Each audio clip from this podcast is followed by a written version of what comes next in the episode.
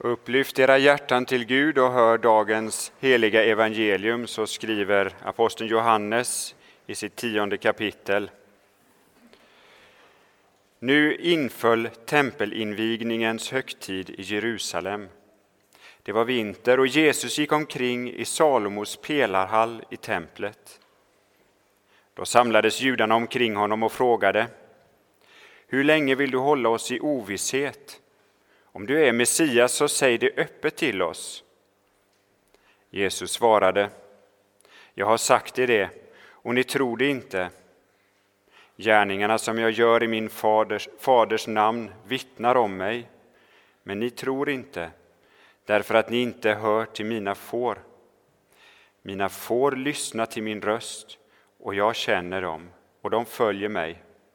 Jag ger dem evigt liv, och de skall aldrig någonsin gå förlorade, och ingen ska rycka dem ur min hand. Vad min fader har gett mig är större än allt, och ingen kan rycka dem ur min faders hand. Jag och Fadern är ett.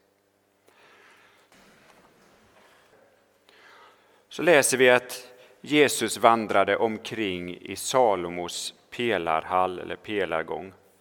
Den lilla del av templet som var kvar av det gamla Salomos tempel och som inte hade förstörts eh, av Nebukadnessar cirka 750 år tidigare.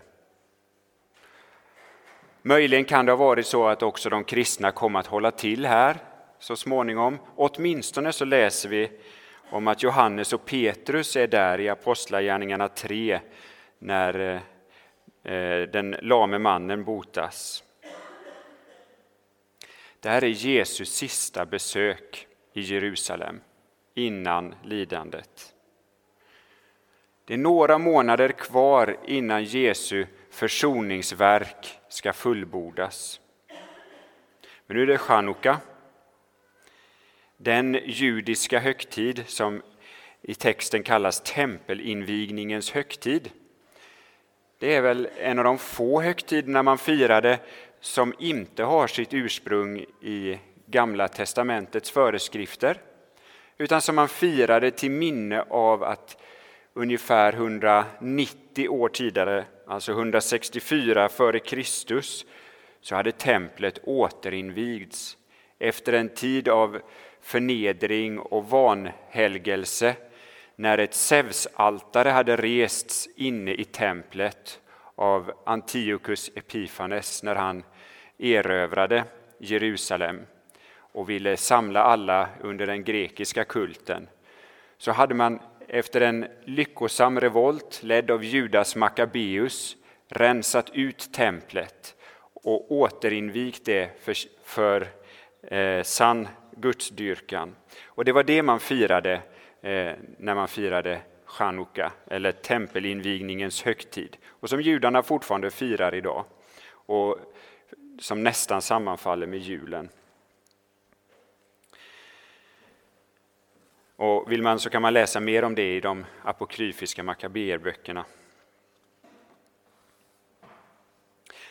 Men det är värt att notera att Jesus här, strax före sitt lidande, till trots för den ökande fientligheten från judarna så väljer han att än en gång komma till Jerusalem. Vi kan se det lite grann i perspektivet av hur Jesus, när han sen håller sitt högtidliga intåg i Jerusalem och kommer ner för Oljebergets sluttning, hur han ser över staden och gråter och säger Tänk om du idag hade förstått, också du vad som ger verklig frid. Men nu är det dolt för dina ögon. Så i dagens text så är det som att Jesus är i Jerusalem för att en sista gång ge dig chansen att omvända sig. Det är alldeles uppenbart att Jerusalem har en särskild plats i Jesu hjärta.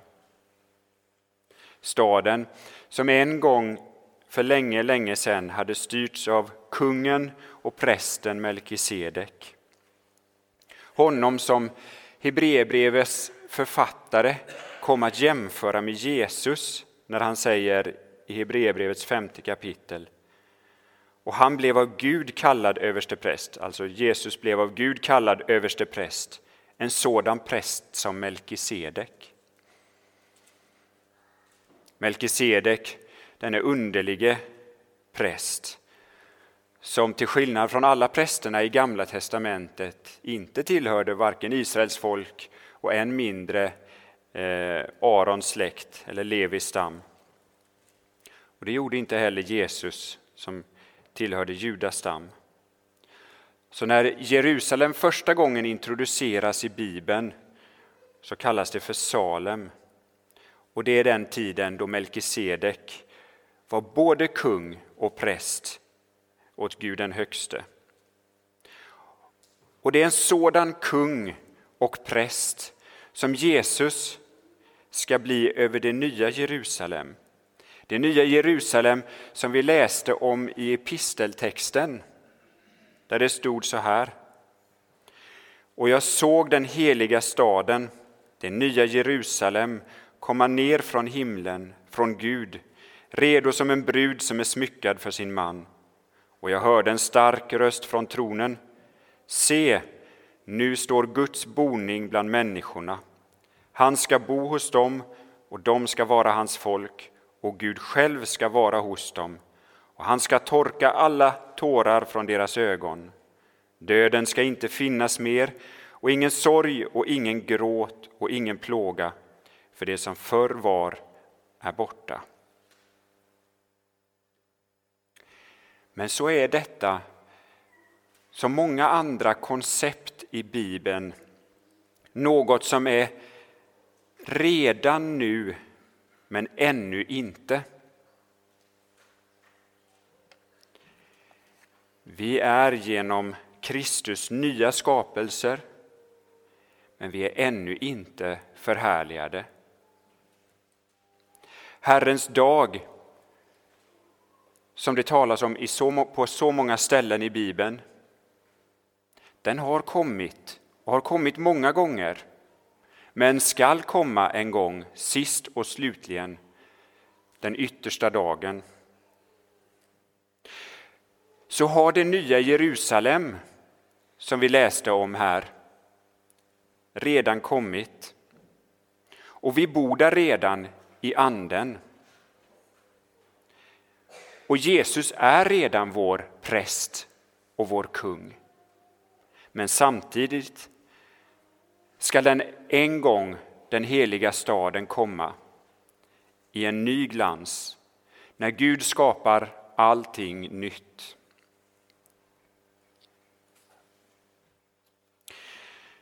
Så läste vi alltså om hur Jesus omringas av judarna.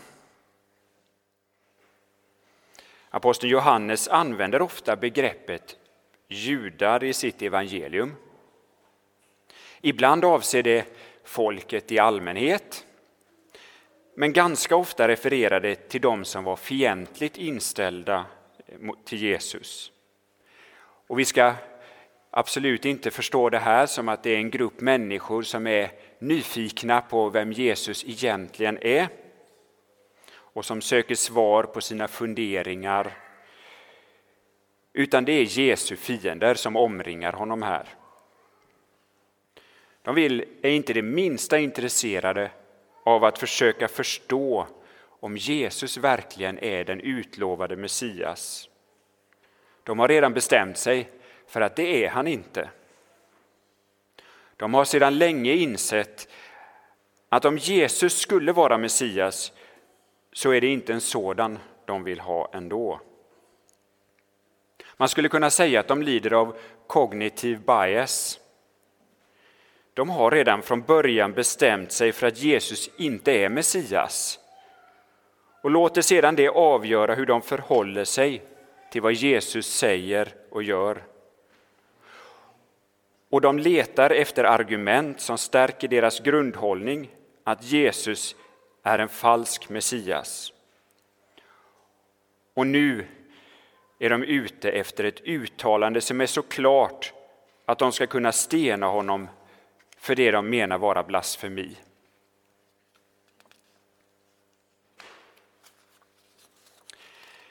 Jesus å sin sida vänder deras fråga i en anklagelse mot dem.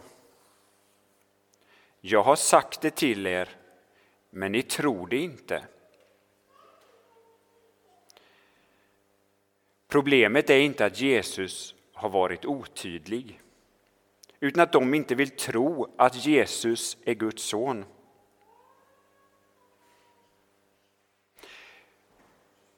I Jesu tid så var Messias begreppet mycket laddat och det hade starka politiska och militära kanotationer. Och Jesus använder inte termen om sig själv, möjligen med undantag eh, när han talar med den samaritiska kvinnan. Men han förnekar aldrig att han är Messias. Och det är som att han med, sina, med det han gör och med det han säger så vill han att människor ska komma till den insikten. Du är Messias. Som Petrus, du är Messias. Och Jesus bekräftande kan säga att kött och blod har inte uppenbarat det här för dig. Och vi hör det redan när vi läser julevangeliet. Då är det änglarna som vittnar. Idag har en frälsare fötts åt er i Davids stad. Han är Messias, Herren. Vi hör lite senare också hur Jesus förbjuder de onda andarna att tala eftersom de vet att han är Messias. Jesus vill inte ha de onda andarnas vittnesbörd. Han vill att människor ska förstå att han är deras frälsare, deras Messias.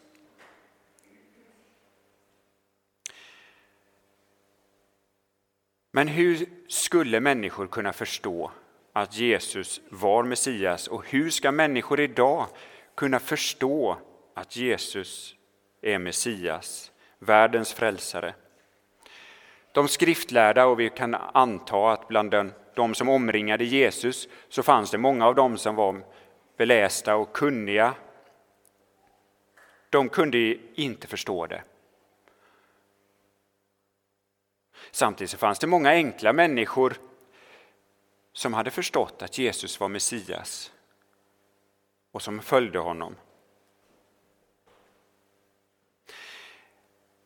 Insikten om att Jesus är Messias tycks varken vara proportionell eller omvänt proportionell till nivån av bildning eller nivån av materiellt välstånd. Det vill säga, det finns varken ett ett samband, eller det finns inte ett samband mellan utbildning, välstånd å ena sidan och om man kommer till insikt om att Jesus är frälsaren. Varken så att ju mer välstånd och rikedom man har, desto större är sannolikheten att man förstår att Jesus är Messias och inte heller tvärtom, att ju fattigare och dummare man är, desto större är chansen. Jesus talar om det i dagens text. I dagens text.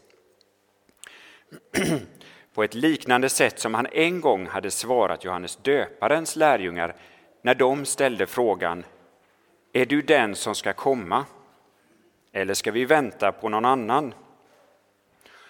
Då hade Jesus svarat dem Gå och berätta för Johannes, det var alltså när Johannes satt i fängelse, Gå och berätta för Johannes vad ni hör och ser. Blinda ser, lama går, spetel ska bli rena, döva hör, döda uppstår och fattiga får höra glädjens budskap. Salig är den som inte tar anstöt av mig.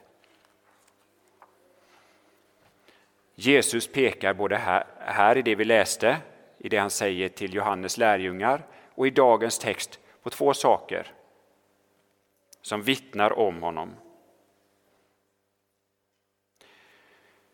Sina gärningar och sin förkunnelse. Och i, i, dagens text så sa Jesus, gärningarna som jag gör i min fars namn vittnar om mig. Lite senare i samtalet, strax efter vår text, säger Jesus till judarna om jag inte gör min fars gärningar, så tro mig inte. Men om jag gör dem, tro då på gärningarna om ni inte kan tro på mig. Då ska ni inse och förstå att Fadern är i mig och jag i Fadern. Detta var sant när Jesus sa det. Det är sant också idag. För den som tvivlar, se på Jesu gärningar. Vad vittnar de om? Vad vittnar Jesus syndfria liv om? Vad vittnar hans alltigenom, kärl, han, hans alltigenom kärleksfulla handlande mot alla? Vad vittnar hans lidande, död om? Det vittnar om att han är något helt annat än en fascinerande, omkringvandrande moralpredikant. Det vittnar om att han verkligen är Guds son. Och Jesus understryker detta när han talar med lärjungarna på kvällen innan eh, Getsemane, när han säger Fadern bor i mig och gärningarna är hans verk. Tro mig, jag är i Fadern och Fadern är i mig. Och kan ni inte det, tro då för gärningarnas skull. Men inte bara Jesu gärningar vittnar om, om honom som Guds son, utan också Jesu egna ord och Faderns ord om Jesus, både vid dopet och på förklaringsberget. Och hela Gamla testamentet vittnar om Jesus. Lite tidigare i Johannesevangeliet säger Jesus hade ni trott Mose skulle ni tro på mig, för det var om mig han skrev. Men om ni inte tror hans skrifter, hur ska ni då kunna tro mina ord? Vår naturliga människa hatar denne alltigenom gode guden. Vi är av naturen Guds fiender, allt sedan syndafallet och vill inte, som judarna i dagens text, att Jesus ska vara Guds son. Vi livnär oss helt naturligt på att inte vara lika dåliga som andra. Som farisén i templet, ni kommer ihåg, eller liknelsen om farisén i templet som får sin andliga näring av att inte vara lika usel och dålig som publikanen lite längre bort. Samma hjärtas, hjärtats inställning är vi alla födda med. Och varje dag försöker den inställningen sticka fram sitt fula tryne. Tanken att om jag verkligen behöver frälsas och det i sig egentligen är lite tveksamt eftersom jag inte är alls lika eländig och dålig och ond som en lång rad andra människor så ska jag nog åtminstone kunna bidra en, en bra bit till det själv. Det är det som sällan bland oss fromma kristna uttalat dyker upp. Men det är någonting som ligger där under och gärna vill genomsyra hur vi tänker på oss själva och vår relation till Jesus. När vi i dagens samhälle får höra talas om Guds kärleksbudskap eller Bibelns kärleksbudskap så är det som regel ett kraftigt förvrängt budskap.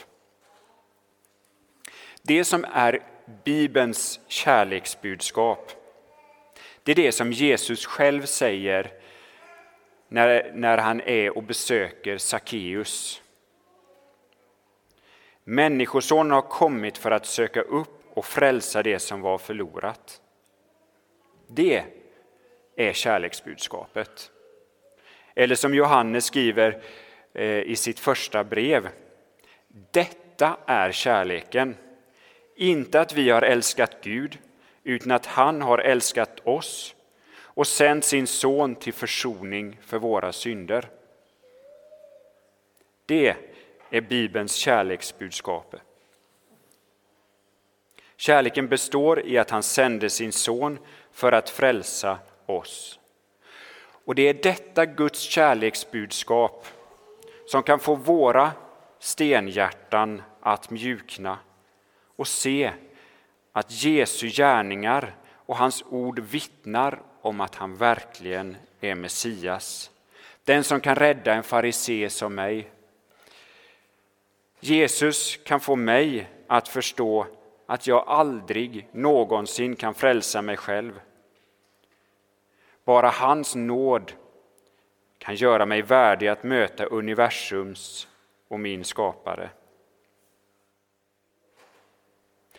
För de judar som omringade Jesus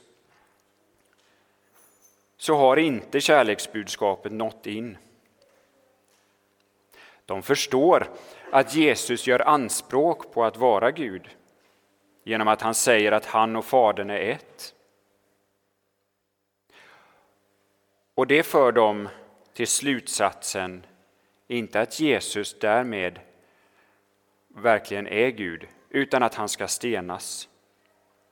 Och så långt kommer de strax efter vår text i att de faktiskt plockar upp stenar för att stena Jesus. Och så vet vi att bara några månader senare så går de hela vägen och får Jesus dödad. Och det kan vi läsa om att när Jesus har gjort ytterligare en kärleksfull gärning så blir måttet rågat. När han har uppväckt sin gode vän Lazarus, då är det som att nu är måttet rågat. Och så samlas de i ett krismöte i Stora rådet för att diskutera hur kan vi nu göra för att bli av med Jesus. Och så verkar Guds ord. Förhärdelse eller frälsning. Det är vad vi kan se i Bibeln. Vi som alla här är vana vid att höra Guds ord. Vi utsätter oss för en risk när vi hör till ordet. Vi kan växa i insikt om Guds kärlek till oss och vår kärlek, om än bristfällig, till Gud kan så sakteliga växa. Eller så kan Guds ord verka avtrubbande och sövande och kanske på sikt leda till att vi börjar förakta det besvärande och gamla och trötta talet om min synd och Guds kärlek och så vidare.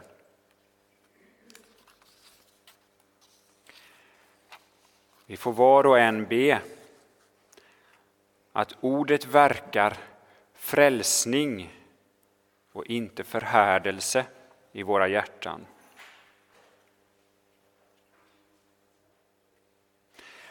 Nu har vi så här långt flera gånger citerat Johannesevangeliet och också Johannes, första Johannesbrevet.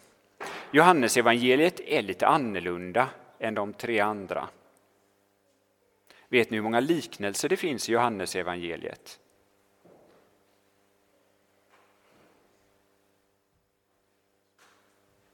I, Bib I de fyra evangelierna finns det sammanlagt 36. Lukas evangelium nämner 24 av dem. Johannes nämner ingen. Nu är det visserligen så att det som vi i dagens text har är en bild som ligger lite ganska nära en liknelse. Men det är faktiskt ingen liknelse i Johannesevangeliet.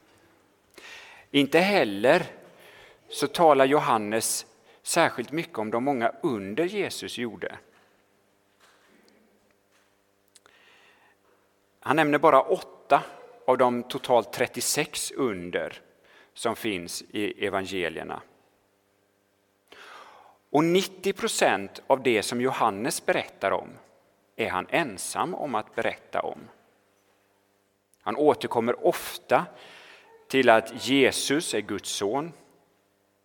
Och han talar ofta om hur Jesus talar om Gud som sin far. Och Johannes skriver själv i slutet av sitt evangelium Många andra tecken som inte är nedskrivna i denna bok gjorde Jesus inför sina lärjungar. Men dessa har blivit nedskrivna för att ni ska tro att Jesus är Messias, Guds son, och för att ni genom tron ska ha liv i hans namn. Johannes evangeliet vittnar om att Jesus är vår frälsare. Och hela Bibeln vittnar om detta. Bibeln är tillräcklig. Vi behöver inga ytterligare uppenbarelser eller nya läror. Det finns visserligen många goda böcker som kan hjälpa oss att förstå det som står i Bibeln. Men det finns desto fler som lägger till eller ändrar det som faktiskt står. Så, men till trots för att det alltså inte finns några eh, liksom, av de klassiska liknelserna i Johannesevangeliet så finns det i, i vårt kapitel, i det tionde kapitlet, så finns det en bild, nämligen när Jesus beskriver sig själv som den gode herden. Och det gör han i första halvan av det tionde kapitlet. Men så i vår del så hörde ni hur Jesus återkommer till detta när han säger Mina får lyssna till min röst och jag känner dem och de följer mig. Jag ger dem evigt liv. De ska aldrig någonsin gå förlorade och ingen ska rycka dem ur min hand. Vi som är kristna, vi är inte framför allt anhängare av en specifik lära, utan det allra mest centrala är att vi tillhör Jesus. Som får tillhör sin herde eller som barn tillhör sina föräldrar. När Jesus beskriver hur vi är hans får och hur han vill ta hand om oss som den verkligt gode herden så visar han hur mycket han älskar oss. Nu kanske någon tänker, eller åtminstone har hört det sägas att det är i Nya testamentet som det talas om den nådefulle guden och kärleksfulle guden. Men i Gamla testamentet är Gud hård och hämndgirig. Och nu blir det lite repetition av vad Niklas sa igår. Men Gud är densamme i det gamla som i det nya testamentet. Vid ett tillfälle så låter Gud Moses se honom på ryggen.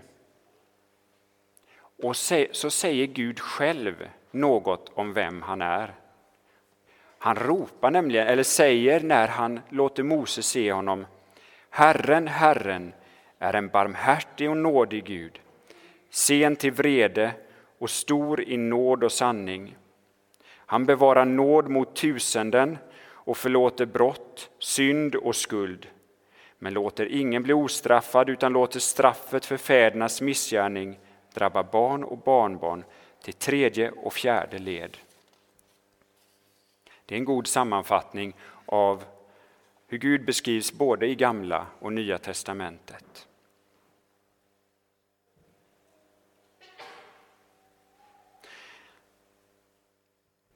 Men denne nådefulle guden, den som är stor i nåd, honom hade, den, hade herdekungen, kung David, fått lära känna och kunde tala om på det underbara sättet i psalm 23. Herren är min herde, mig skall intet fattas. Han låter mig vila på gröna ängar, han för mig till vatten där jag finner ro. Så får vi på denna årets första söndag lägga våra liv och vår framtid i den kärleksfulle herdens händer och be om att få öppnade öron för att ta emot det han vill ge oss genom sitt ord. Amen. Halleluja. Jag vill tacka Herren av hela mitt hjärta i det ärligas råd och församling. Stora är Herrens gärningar, det begrundas av alla som älskar dem. Majestät och härlighet är hans verk, hans rättfärdighet består för evigt. Amen. Låt oss så tillsammans stå upp och bekänna vår heliga kristna tro. Vi tror på Gud Fader allsmäktig, himmelens och jordens skapare.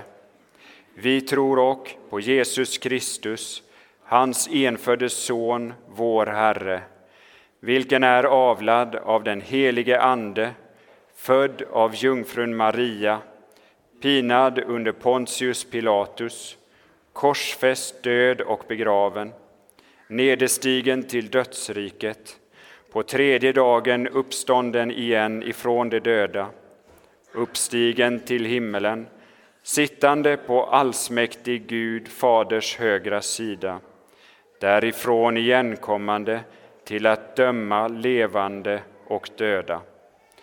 Vi tror och på den helige Ande, en helig allmännelig kyrka, det heliga samfund, syndernas förlåtelse, kroppens uppståndelse och ett evigt liv.